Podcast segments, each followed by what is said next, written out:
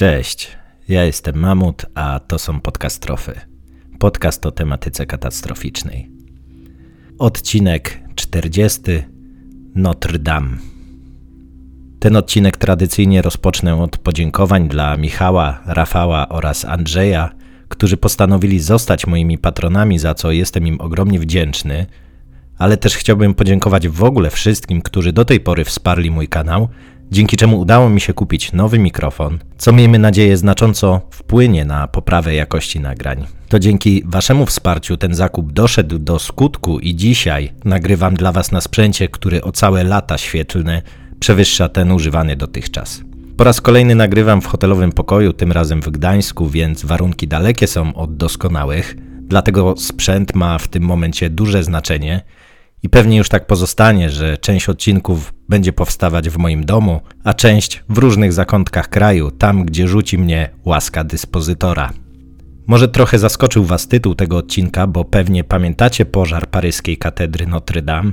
I generalnie spłonął tam dach, ale nikomu nic poważnego się nie stało, więc dlaczego poświęcać odcinek wydarzeniu, które w swym wymiarze przez wielu nie jest uważane za katastrofalne?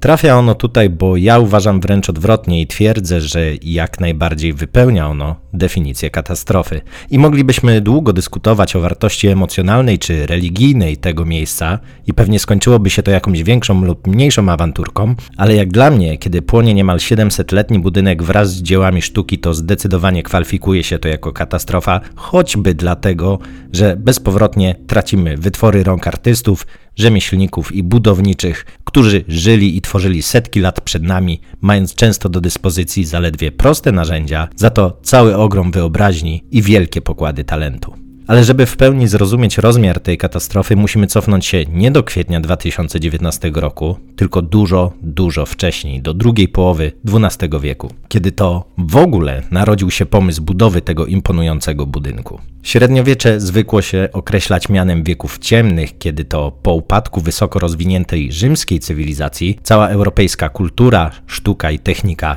cofnęły się o setki lat. I po części jest to prawda, ale była to epoka trwająca praktycznie tysiąc lat, niezależnie od tego, jaką przyjmiemy cezurę, więc od początku tej epoki do jej końca dzieli nas więcej niż dzień dzisiejszy od bitwy pod Grunwaldem, czy też od początku budowy bohaterki naszego odcinka. Więc próba streszczenia tysiącletniej epoki do jednego zdania, czy nawet krótkiego określenia jako wieki ciemne, zwyczajnie nie oddaje tego, jak w rzeczywistości wyglądała ta epoka praktycznie pod żadnym względem. Bo jeśli chodzi o sztukę, to przeszliśmy od etapu dosyć prostego wzornictwa czy rzeźby wczesnego średniowiecza, aż po wyszukane formy schyłku tego okresu, z których to zresztą narodziła się sztuka renesansowa ze swoimi wybitnymi dziełami jak Dawid czy Pieta Dłuta Michała Anioła, albo Ostatnia Wieczerza czy Mona Lisa pędzla Leonarda da Vinci. I tak, oczywiście to renesans, ale bez form wcześniejszych ciężko mówić o późniejszych, bo jednak sztuka podlegała pewnym zasadom ewolucji, przechodząc od prostych rysunków naskalnych i glinianych figurek kobiet o obfitych biodrach i biustach, aż po realizm, surrealizm i wszelkie formy sztuki nowoczesnej. Dlatego ciężko w przypadku sztuki mówić o średniowieczu jako o epoce jednorodnej. To może jeśli chodzi o technikę wojskową, był to okres, w którym po prostu naparzano się po łbach pałkami mieczami i wszystkim tym, co było pod ręką, nie robiąc większych postępów w sposobach i metodach wzajemnego pozbawiania się życia. No też nie do końca. Pewne wynalazki starożytności nie poszły jednak w zapomnienie, więc wiele elementów ochrony indywidualnej jak kolczugi i hełmy pozostawały w użyciu. Oczywiście nie były one tak powszechnie używane jak za czasów legionów rzymskich, kiedy to każdy żołnierz wyposażony był przez państwo w odpowiedni sposób i tu raczej panowała ogromna indywidualność wynikająca też oczywiście z kosztu takiego wyposażenia. Jednak wraz z upływem czasu i wynajdywaniem doskonalszych metod wyrobu stali oraz produkcji elementów metalowych, ich cena również malała i stawały się one coraz powszechniejsze, a miasta zakupowały pancerze i uzbrojenie na potrzeby swoich garnizonów, przez co pod koniec epoki nawet prosty piechur należący do kontynentu wystawionego przez jakieś miasto mógł liczyć na hełm chroniący głowę, kirys chroniący tułów, a czasem i na elementy osłon rąk i nóg. No to może chociaż broń była wciąż taka sama. Poniekąd tak, bo przecież wciąż naparzano się po łbach pałkami, cepami, mieczami i halabardami. Kłuto sztyletami, strzelano bełtami i nadziewano włóczniami i kopiami. Jednak z drugiej strony pojawiła się broń palna na zachodzie Europy podczas bitwy pod Crécy w 1346 roku, a u nas 64 lata później pod Grunwaldem, by za chwilę stać się jednym z podstawowych elementów prowadzenia walk podczas wojen husyckich. To może chociaż architektura, bo w końcu chcemy mówić dzisiaj o budynku, była przez te lata podobna. No też nie bardzo. Jeśli porównamy ze sobą na przykład przedromański kościół w Santulano w Asturii, romańską bazylikę Saint-Michel Maggiore w Pawii oraz gotycką, a przez niektórych znawców nazywaną wczesnorenesansową florencką katedrę Santa Maria del Fiore, to oprócz tego, że są to budynki sakralne, to mają ze sobą niewiele wspólnego. Dlatego samo średniowiecze jest epoką bardzo umowną, która zresztą w zależności od tego, kto jakie wydarzenie przyjmuje za jego koniec, może mieć różną długość. Ale cały ten okres ma pewne cechy wspólne, które w pewien sposób spajają go jednak jako taką całość. Jedną z nich jest absolutna dominacja chrześcijaństwa. Okej, okay, były różne okresy, jak na przykład podbój Półwyspu Iberyjskiego przez Arabów w VIII wieku, czy powstania różnych ruchów religijnych jak Katarzy czy Waldensi, a pod koniec średniowiecza wiklefiści czy wspominani już Husyci. Ale ostatecznie i tak katolicyzm brał górę, podejmując się w przypadku Arabów zbrojnej rekonkwisty, co zresztą zastosowano również w przypadku Katarów. A jeśli chodzi o Wycliffe'a, to już po jego śmierci jego kości wyjęto z grobu, zmiażdżono, spalono i wyrzucono do rzeki Swift na polecenie papieża Marcina V. Ale czego nie udało się zrobić z Wycliffem, zrobiono z Janem Husem, którego spalono podczas soboru w Konstancji, co wywołało zresztą powstanie w Czechach, w czasie którego doszło do kilku defenestracji, co jest bardzo ładnym określeniem na wyrzucenie kogoś przez okno, ale myślę, że o tym powinien opowiedzieć Miłosz z podcastu Za rubieżą, a nie ja. W każdym razie była to epoka, kiedy bardzo mocno zwracano się do Boga, manifestując to na różne sposoby, ale też, żeby utrwalić wiarę, świadomość Jego wszechpotęgi oraz strach przed potępieniem, bardzo wykorzystywano sztukę oraz architekturę. Bo wyobraźcie sobie, jak olbrzymie wrażenie musiały robić na ówczesnych, w ogromnej większości niewykształconych i niepiśmiennych ludziach, mieszkających najczęściej w prostych chałupach, budynki, które swoją konstrukcją wręcz zaprzeczały prawu grawitacji i swoimi wysokimi kamiennymi lub ceglanymi wieżami sięgały, mogłoby się zdawać, aż do samego nieba. Albo też sceny sądu nad grzesznikami, gdzie wszelkiego rodzaju diabły i maszkarony oprawiały swoje ofiary w kotłach ze smołą wrzącą na piekielnych ogniach. Zresztą można było przecież połączyć sztukę i architekturę w jedno, przedstawiając tego typu sceny na kamiennych portalach drzwi wejściowych, przez które musiał wejść każdy wchodzący do świątyni i mógł w tym czasie zobaczyć, co go czeka za nieposłuszeństwo. Dzięki temu budynki sakralne, w których raczej mało kto rozumiał, o co tak do końca chodzi, ponieważ obrządek był sprawowany po łacinie, stały się jasnym nośnikiem informacji, co jest pożądane i nagradzane, a za co czeka niechybna kara. Taka Biblia obrazkowa w czasach, kiedy druk jeszcze nie istniał. Poza tym katedry były też symbolem władzy duchowej. Nic więc dziwnego, że wiele katedr i bazylik rozpoczęto budować w XII wieku, kiedy dopiero co udało zażegnać się spór o inwestyturę między papiestwem a władzą świecką, a w powietrzu już wisiał kolejny spór o dominium mundi. Kościół rozumiał, że oprócz zagrywek politycznych oraz wypraw zbrojnych należy podkreślać swoją władzę jako tę pochodzącą od Boga, a nie było chyba skuteczniejszej metody jak postawienie budowli, którą widać z wielu kilometrów i której dzwony będą wyznaczały rytm pracy, modlitwy i odpoczynku setkom i tysiącom ludzi, którym przyszło się urodzić, żyć i umrzeć w cieniu katedralnych wież. Zresztą każdy z etapów ich życia był związany ze świątynią i wyznaczany był kolejnymi sakramentami, ale nie robimy tu studium badań nad społeczeństwem okresu środkowego średniowiecza, tylko mieliśmy opowiedzieć sobie o wspaniałym budynku, o tym jak powstał, przez setki lat górował nad Paryżem, przeżywając swoje lepsze i gorsze chwile, oraz o tym jak został uszkodzony przez pożar i jaka go w związku z tym czeka przyszłość. Gdzie leży Paryż, wie chyba każdy. O tym, że przepływa przez niego sekwana, też raczej mówić nie trzeba. Dla nas ważne jest to, że sekwana tocząc swe wody utworzyła również wyspy i kilka z nich znajduje się w dzisiejszych granicach administracyjnych Paryża. W tym ta, która dzisiaj interesuje nas najbardziej, czyli Ile de la Cite. Oczywiście ważna jest dlatego, że to właśnie na niej znajduje się bohaterka naszego dzisiejszego odcinka, ale byłoby wielkim niedopowiedzeniem stwierdzenie, że to właśnie z powodu Notre Dame wyspa ta ma takie znaczenie. Właściwie jest wręcz odwrotnie i katedra stanęła tam ze względu na znaczenie tego miejsca. Pierwsze ślady archeologiczne świadczące o osadnictwie w tym miejscu pochodzą z IV wieku przed naszą erą i zamieszkane ono było przez Galów, a dokładniej, co pewnie nikogo nie zdziwi, przez plemię Paryzjów, od którego wzięła swą nazwę dzisiejsza stolica Francji. W czasach rzymskich nazywano to miejsce odrobinę inaczej i raczej ta nazwa nie była kojarzona z romantycznym wypadem we dwoje, a brzmiała ona lutetia od łacińskiego lutum, czyli błoto.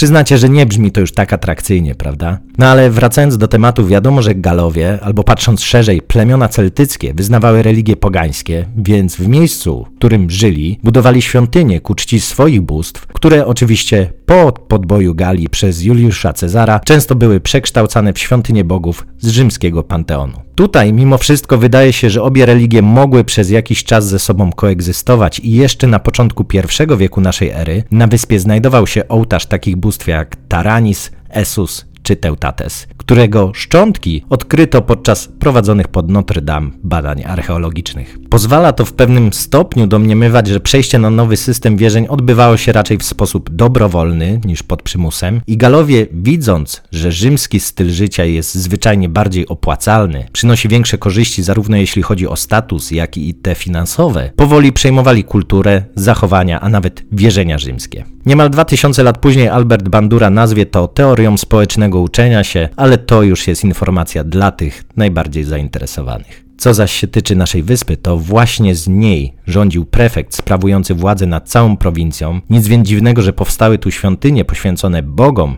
wyznawanym w starożytnym Rzymie. Jednak jak zapewne pamiętacie, w 380 roku naszej ery cesarz Teodozjusz wydał edykt tesaloński, który ustanawiał chrześcijaństwo religią państwową, zakazując jednocześnie innych religii, a pozostałe odłamy chrześcijaństwa uznając za heretyckie. No i teraz już będzie z górki. 96 lat później cesarstwo upada, ale religia pozostaje. Generalnie dużo się wtedy działo na terenach dzisiejszej Francji, ale tym nie będziemy się zajmować, a dla nas ważne jest to, że pierwszy po upadku cesarstwa król Franków Chlodwig, który zjednoczył pod swym panowaniem sporo ziem, przyjął w 498 roku chrzest i w miejscu dawnej świątyni rzymskiej nakazał pobudować dwie kaplice. Po nim panował jego syn, który wzniósł w tym miejscu katedrę świętego Szczepana, która stała tam do najazdu wikingów w 857 roku. Kiedy to spłonęła, jednak szybko została odbudowana już w zupełnie nowym karolińskim stylu ale w roku 987 Hugo Capet, dotychczasowy hrabia Paryża, zostaje królem Franków i nakazuje przeniesienie stolicy oczywiście do Paryża. Na wyspie pojawiają się kolejne budynki, tym razem związane z władzą świecką, a przede wszystkim Pałac Królewski. Nic więc dziwnego, że kiedy nieco ponad półtora wieku później biskupem Paryża zostaje Maurice de Saly, uznaje on, że budowla, która do tej pory, zdaniem niektórych wystarczała, w jego oczach zdecydowanie nie pasowała do rangi, jaką miała sprawować a także była zbyt mało okazała w porównaniu ze swoim otoczeniem. Jedną z pierwszych jego decyzji jest rozbiórka katedry świętego Szczepana oraz ruin starszych budowli i całkiem sporej ilości domów, ponieważ to właśnie tutaj powstanie centralny ośrodek władzy duchowej w mieście, a dzięki pobliskiemu pałacowi królewskiemu może i w całym kraju. Po części miał rację, bo to właśnie od punktu zerowego na placu przed katedrą Notre Dame liczone są dzisiaj odległości we Francji, bo właśnie tam został umieszczony punkt zero, ale nie jestem pewien, czy to o to mu chodziło. W każdym razie zdecydował on, że stolica zasługuje na katedrę, która swoją wielkością i majestatem przyćmi wszystkie dotychczasowe budowle, a nowy styl architektoniczny, który właśnie się kształtował, nazywany przez nas dzisiaj gotyckim, świetnie się do tego nadawał ze względu na swoje strzeliste formy, jasne i przestronne wnętrza oraz lekkość i zdobnictwo. Bo gotyk, proszę Państwa, to nie jest tam byle styl romański po upgrade'zie, ani żadne stawianie kwadratowych kamieni jeden na drugim. To jest zupełnie nowa jakość w architekturze. Czy wy wiecie, co my robimy tym gotykiem? My otwieramy oczy niedowiarkom. Patrzcie, mówimy, to jest nasze, przez nas wykonane i to nie jest nasze ostatnie słowo. A tak odrobinę poważniej. W budowlach gotyckich masowo stosowano łuki oraz przypory odciążające ściany budowli, a także wysokie, strzeliste okna, które świetnie się nadawały do umieszczania w nich witraży. Natomiast sklepienia krzyżowo-żebrowe bardzo często zdobione były freskami, a w najwyższych punktach umieszczano zazwyczaj wieżyczki, które jeszcze dodatkowo zwiększały wysokość już i tak nie najniższych budowli. Dzisiaj ten styl może wydawać nam się nieco surowy i toporny, zwłaszcza, że w Polsce budowle gotyckie najczęściej wzniesione są jednak z cegły, ale my mamy doświadczenie późniejszych epok, takich jak renesans czy barok albo rokoko, które swoją formą były jeszcze bardziej wyrafinowane, co wpływa na nasz odbiór budowli wcześniejszych. Jednak w połowie XII wieku gotyk to była zupełna, absolutna nowość, która wprawiała obserwatora w zupełnie uzasadniony zachwyt. Właściwie też nie mogło być mowy o wyborze innego stylu, ponieważ gotyk narodził się właśnie we Francji, więc byli dostępni zarówno architekci, którzy chcieli w nim eksperymentować, jak i rzemieślnicy, którzy zdobywali kolejne doświadczenie z tego typu konstrukcjami. Ale w wielu źródłach znajdziemy wzmiankę, że Desali do budowy nowej katedry zainspirowany został podczas oglądania prac nad budową Bazyliki Świętego Dionizego w Saint-Denis. Ja jednak nie do końca jestem przekonany co do takiego przebiegu sprawy. Oczywiście Desali mógł chcieć swoim projektem dorównać albo i nawet przegonić Bazylikę Saint-Denis, mógł też docenić kunszt jej projektu oraz rodzący się właśnie nowy styl gotycki, ale raczej mało prawdopodobne, żeby zachwycał się samą budowlą. Dlaczego? Ponieważ kiedy ruszyła budowa Notre Dame, to bazylika świętego Dionizego powstawała raptem od dwudziestu kilku lat, a przed nią było jeszcze jakieś następne 120, więc raczej ciężko mówić o inspiracji czymś, czemu do ukończenia brakuje więcej niż dzieli nas dzisiaj od odzyskania niepodległości. A nie zapominajmy, że bazylika Saint-Denis nie powstała tak sobie na polu, tylko najpierw należało rozebrać świątynię należącą do opactwa benedyktynów i wydobyć szczątki władców takich jak chociażby Karol Młot. I śmiem twierdzić, że nie była to taka prosta operacja jak zawalanie prostych domów mieszczańskich, żeby przygotować miejsce pod budowę paryskiej katedry i też musiało to zająć trochę więc Desali generalnie mógł co najwyżej oglądać projekty, kupę gruzów, a następnie dziurę w ziemi, fundamenty, może jakieś podstawy murów i miejsca, w których w przyszłości może staną łuki przyporowe.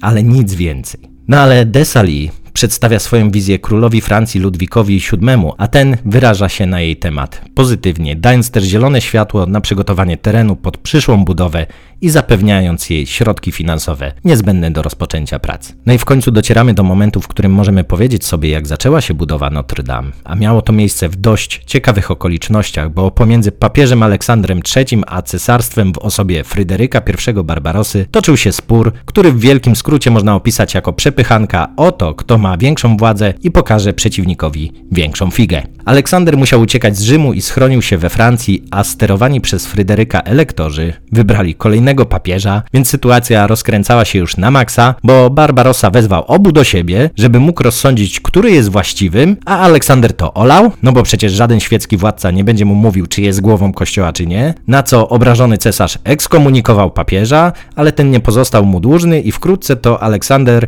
wyklął Barbarosę. Trudne sprawy Middle Ages Edition.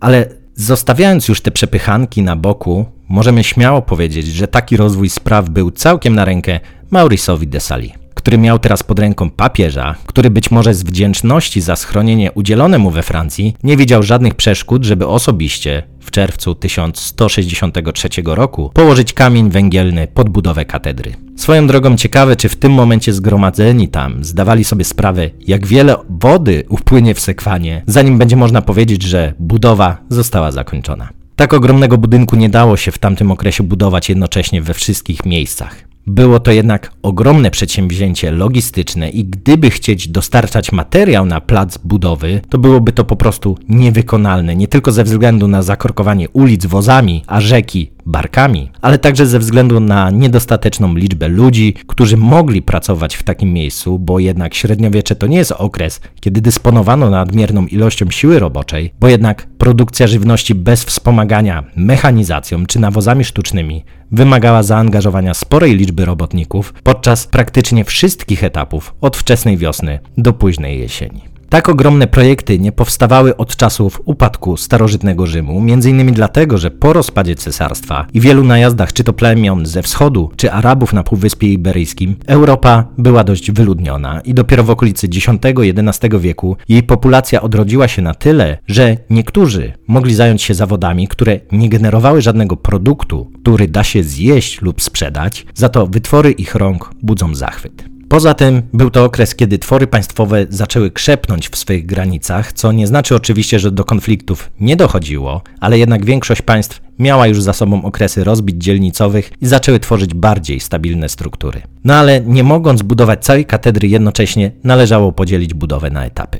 Rozpoczęto więc od części, która nie była szczególnie skomplikowana konstrukcyjnie, ale w przyszłości stanie się centrum kultu sprawowanego w katedrze. Mowa oczywiście o prezbiterium, czyli przestrzeni w kościele przeznaczonej dla duchowieństwa oraz służby liturgicznej. Już samo jego położenie ma znaczenie, ponieważ do połowy XVI wieku musiało być zwrócone na wschód, a znajduje się tam ołtarz do odprawiania kultu religijnego oraz na przykład stele, w których mogło zasiadać duchowieństwo i służba. Budowę katedry rozpoczęto więc od miejsca, gdzie będą odprawiane msze. No chwilę to trwało, bo wyobraźcie sobie, że od położenia kamienia węgielnego do pierwszej mszy, podczas której konsekrowano ołtarz, dochodzi 19 lat później. Było wtedy gotowe prezbiterium wraz z okalającym je ambitem, czyli w uproszczeniu mówiąc korytarzem dookoła. Ale była to tylko króciutka przerwa na świętowanie, ponieważ do końca było jeszcze bardzo daleko. 11 września 1196 roku, po 33 latach od rozpoczęcia budowy, umiera biskup Desali. Nie wiadomo, czy liczył na to, że uda mu się zobaczyć katedrę gotową, ale pewne jest to, że mu się to nie udało i budowa będzie trwała jeszcze około 150 lat. W następnej kolejności skupiono się na budowie naw oraz fasady, jednak tu nastąpił pewien zgrzyt, ponieważ ściany były zbyt ciężkie i masywne, żeby mogły znaleźć w nich miejsce ogromne okna, które miały wpuszczać do wnętrza dużo światła.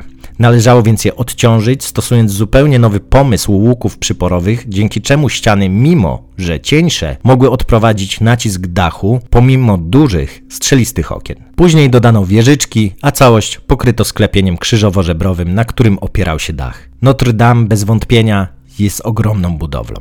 Katedra liczy sobie ponad 120 metrów długości i 48 metrów szerokości, a sklepienie w najwyższym punkcie sięga blisko 35 metrów nad ziemią. Cały układ budynku oparty został na kwadracie, symbolizującym stworzoną i ograniczoną przestrzeń oraz okręgu kierującego uwagę wiernych ku nieskończoności. Wymiar boski przywołują również cztery masywne przypory wznoszące ku niebo szczyty dwóch wież dzwonniczych zdobiących mury katedry. Powierzchnię skierowanej ku zachodowi fasady zdobią trzy portale oraz rozeta o średnicy ponad 9,5 metra ulokowana nad środkowym wejściem. Dwa pozostałe witraże tego typu, północny i południowy, umieszczone są na zamknięciach obu ramion transeptu. Innym, bardzo ważnym elementem katedry są zawsze dzwony. I w północnej wieży Notre Dame są aż cztery dzwony wykonane z brązu. Największy z nich waży 1915 kg, najmniejszy zaledwie 763. W wieży południowej znajduje się ważący 13 ton dzwon Bourdon, który dzwoni tylko na największe święta, natomiast pozostałe dzwonią trzy razy dziennie. Do budowy samego sklepienia zostało zużytych 1300 dębów, ale Notre Dame to nie tylko kościół, to także skarbiec. Najważniejszą rolę odgrywa tu bez wątpienia korona cierniowa, jeden z ważniejszych symboli męczeństwa Jezusa Chrystusa.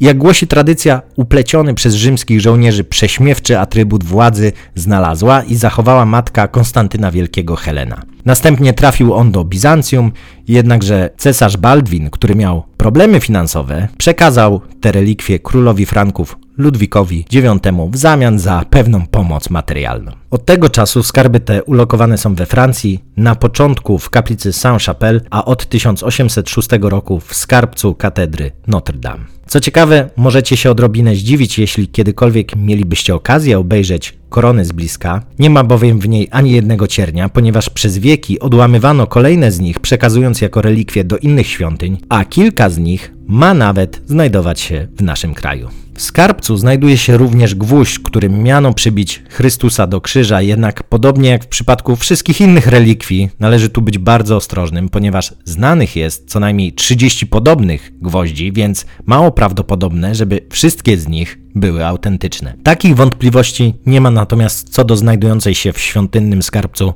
tuniki Ludwika Świętego, który był królem Francji w latach 1226-1270 oraz zorganizował dwie wyprawy krzyżowe, ufundował Sorbonę i został ogłoszony świętym 27 lat po swojej śmierci. Jednak nie zawsze katedra była otaczana taką czcią, jak w chwili swojego powstania. 1548 roku zniszczenia części posągów katedry dokonali hugenoci, uznając je za bałwochwalcze. W 1786 roku uszkodzono posąg świętego Krzysztofa, stojący przy filarze w pobliżu zachodniego wejścia. W różnych okresach usuwano też niektóre witraże, zastępując je po prostu zwykłymi oknami, które były bardziej praktyczne. Nie były to jednak poważne zniszczenia, a czasami po prostu były to bardziej akty zwykłego wandalizmu niż nastawione na jakiś konkretny cel. Jednak sytuacja diametralnie zmieniła się wraz z wybuchem rewolucji francuskiej, która to zapisała się czarnymi zgłoskami w historii katedry. I o ile pierwsze lata rewolucji były dla świątyni względnie łaskawe, w czym być może pomogło to, że znaczna część duchownych, szczególnie niższego szczebla, popierała ideę rewolucji, to ich przychylne nastawienie skończyło się jednak, gdy okazało się, że katolicyzm nie będzie we Francji religią państwową. Chcąc w ogóle wykrzewić religię, rewolucjoniści za cel wzięli sobie atak na budynek, który dla wielu katolików był chyba najbardziej wyrazistym symbolem ich wiary. W pierwszej kolejności przemianowali ją z Notre Dame na świątynię rozumu, chcąc umniejszyć jej wymiar sakralny. Następnie zabrali się za galerię królów, odcinając, co jest dość symboliczne, głowy aż 28 posągom które według ich poglądu były posągami władców Francji, co jednak nie było prawdą i przedstawiały one głównie wizerunki świętych. Ucierpiały również figury znajdujące się w kościele i na portalach oraz obrazy. Zniszczono także iglice. Bez większych obrażeń zachowało się zaledwie kilka elementów, w tym m.in. dzwony i w sumie do dzisiaj nie wiadomo dlaczego. Do skutku szczęśliwie nie doszedł również plan unicestwienia całej katedry, ponieważ uznano, że jest ona po prostu zbyt wielka, żeby ją rozebrać, lub wysadzić. I po śmierci Robespiera w 1794 roku, który był głównym propagatorem kultu rozumu, katedrze nieco odpuszczono, ale zmieniono ją w magazyn służący do przechowywania żywności, a także, co chyba nikogo nie zdziwi, wina. Jednak budynek, którego nie konserwowano, a także w którym zalęgły się szczury ściągające do przechowywanej tam żywności, bardzo szybko niszczał. A potem, oczywiście, pojawia się Napoleon. Zwrócił on katedrę kościołowi, a sam koronował się w niej w 1806 roku na cesarza. Oczywiście miejsce nadawało się do tego świetnie ze względu na swoją historyczną symbolikę i tak dalej, ale prawdę mówiąc jej stan był już na tyle zły, że na ścianach oraz filarach musiano umieścić wielkie płachty tkanin, które maskowały pęknięcia i odpadający tynk, a także wyblakłe i zamazane freski. Jednak cesarz Francuzów po wykorzystaniu jej wnętrza do umocnienia i podkreślenia swojej pozycji później już jakoś nieszczególnie się nią interesował i potrzebny był inny wybitny przedstawiciel tej epoki, żeby zwrócić uwagę ludzi na katedrę Notre Dame. Nazywał się on Victor Hugo. Napisał on powieść o garbatym dzwonniku Quasimodo, którego postać być może była wzorowana na jednym z robotników, którzy rzeczywiście mieli pracować przy zabezpieczaniu kamieniarki przed dalszymi zniszczeniami. Igo wiedział jednak, że są to prace bardzo doraźne i potrzebne jest znacznie większe zaangażowanie społeczeństwa, a także środków, aby zapobiec niechybnemu upadkowi tego arcydzieła architektury gotyckiej. Pisał on w swojej powieści. Kościół Marii Panny w Paryżu jest jeszcze niewątpliwie i dzisiaj budowlą majestatyczną i wspaniałą. Mimo, że katedra starzejąc się pozostała piękna, trudno nie westchnąć, trudno się nie oburzyć na widok niezliczonych uszkodzeń i niezliczonych ran, które czas i człowiek zadawali tej czcigodnej budowli. I udało mu się to, ponieważ dzięki jego twórczości i zaangażowaniu udało się zebrać pieniądze na renowację katedry. Zajął się tym Eugène Violet-le-Duc francuski architekt, konserwator i archeolog, znany z zamiłowania do epoki średniowiecza oraz obiektów sakralnych z tego okresu. Ja znam go przede wszystkim z wielu rekonstrukcji uzbrojenia okresu późnego średniowiecza, które jednak, powiedzmy sobie szczerze, były jego osobistą i dość swobodną interpretacją znalezisk, nie zaś poważnym studium nad uzbrojeniem epoki. Dlatego też do dzisiaj wielu Francuzów ma za złe Ledukowi sposób, w jaki dokonał renowacji katedry. Uważał on, że nie należy poprzestawać na odtworzeniu oryginalnych elementów, a powinno się wykorzystać okazję do upiększenia kościoła. Dodał więc całą masę gargulców, chimer i postaci zwierzęcych, których oryginalnie było znacznie mniej i często o zdecydowanie mniejszych rozmiarach. Ponadto bardzo podwyższył i ozdobił iglicę nad przecięciem się naw, która do tej pory była stosunkowo niewielka. Mówiono, że uczynił on katedrę bardziej gotycką niż była w oryginale. Dzisiaj możemy oczywiście krytykować renowację z 1844 roku, przeprowadzoną na zlecenie króla Ludwika Filipa jako zupełnie niezgodną z dzisiaj obowiązującymi zasadami w sztuce konserwatorskiej, ale musimy pamiętać, że to było ogromne wyzwanie, a same prace trwały 25 lat i lepiej jest mieć katedrę po pewnych przeróbkach niż żadną. Co ciekawe, renowacja ta zakończyła się na rok przed oblężeniem Paryża przez wojska pruskie, podczas to którego miasto było ostrzeliwane przez oblegających z potężnych dział Krupa, które praktycznie równały z ziemią całe kwadraty domów, zmieniając miasto w morze ruin. Jednak jakimś cudem katedra ocaleje i nawet nie doświadczy poważniejszych uszkodzeń. Okres zawieruchy obu wojen światowych również łaskawie oszczędził Notre Dame i w latach 60. XX wieku oczyszczono jej fasadę, przywracając biały kolor jej kamieniom, kończąc pracę kilka lat przed pogrzebem Charlesa de Gaulle'a, którego upamiętniono uroczystą mszą dla światowych przywódców właśnie w Notre Dame. Jednak pod koniec XX stulecia stwierdzono, że stan budowli mocno i w szybkim tempie się pogarsza i nieuniknione będzie wkrótce podjęcie poważnych prac konserwacyjnych. Zanim jednak do tego doszło, w 1996 roku odbył się tam jeszcze jeden pogrzeb państwowego dostojnika. Tym razem żegnano byłego prezydenta Francji François Mitterranda, który sprawował swój urząd od 21 maja 1981 roku do 17 maja 1995 roku i był najdłużej piastującym to stanowisko w historii republiki.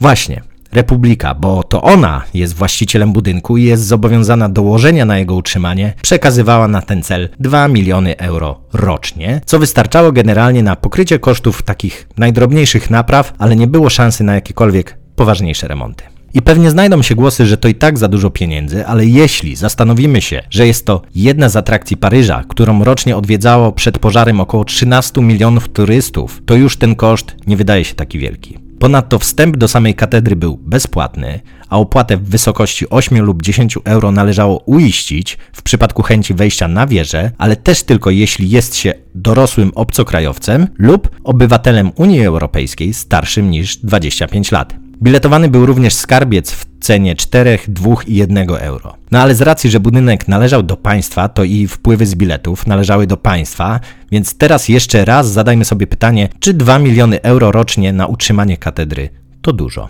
Ja myślę, że to wcale nie tak dużo, ale to co ja myślę nie ma większego znaczenia. Pewne jest natomiast to, że było to zdecydowanie za mało. W 2017 roku koszt kolejnej, a właściwie pierwszej od ponad półtora wieku wielkiej renowacji oszacowano na 100 milionów euro, chociaż Financial Times szacował je nawet o 60% wyżej. I kwotę tę po apelu duchowieństwa, polityków, oraz intelektualistów i ludzi kultury udało się zebrać, ponieważ Francuzi, a zwłaszcza Paryżanie, kochają swoją katedrę, mimo że bardzo często nie mają wiele wspólnego z praktykami religijnymi. I 11 kwietnia 2019 roku w końcu rozpoczęto te renowacje. Miało to być ogromne przedsięwzięcie, które miało zabezpieczyć katedrę na kolejne stulecia. Same prace zaplanowano na kolejnych 20 lat, czyli wyobraźcie sobie, że praktycznie połowę swojej kariery zawodowej moglibyście spędzić remontując jeden budynek. Poważnych napraw wymagały dach, iglica, przypory, witraże, gargulce i kamieniarka. Odnawiane miały być także rzeźby.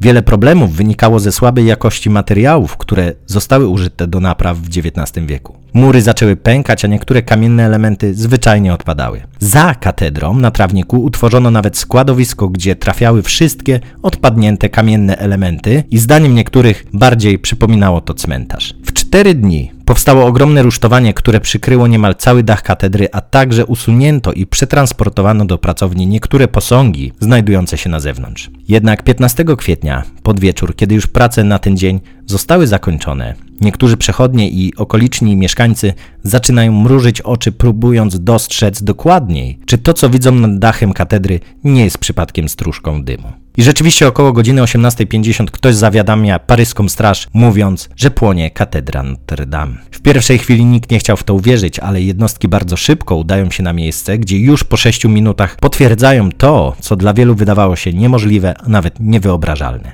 Katedra płonie. Należało działać i to szybko, jednak tutaj pojawia się pewien problem. Pierwsze jednostki, które dotarły na miejsce, nie dysponowały odpowiednio wysokimi drabinami, aby dostać się na dach, gdzie zauważono ogień. Postanowiono w pierwszej kolejności zabezpieczyć co tylko się da, bo pchanie wszystkich sił na klatki schodowe rusztowań nie miało sensu i jedynie groziło zatorami. Dlatego część strażaków zajęła się przygotowaniem linii gaśniczych, aby były gotowe w chwili, kiedy dotrą posiłki oraz pojazdy mogące dosięgnąć dachu. Część została wysłana do ratowania relikwii, które zresztą udało się wynieść bez szwanku, a dowódcy udali się na rozpoznanie, żeby zaplanować kolejne kroki. Próbowano oczywiście zapanować nad pożarem korzystając z tego, co było do dyspozycji, jednak okazało się, że nie wszystkie pompy są w stanie tłoczyć wodę na wysokość dachu budowli, więc jej ciśnienie dalekie było od zadowalającego. Na szczęście Notre Dame znajduje się na wyspie i szybko udało się ściągnąć dwa statki z wysokowydajnymi pompami, które miały dostateczną moc, aby wtłoczyć wodę na wymaganą wysokość. W międzyczasie docierają także posiłki oraz drabiny, które są dostatecznie wysokie, żeby umożliwić akcję gaśniczą. Niestety stracono już sporo czasu.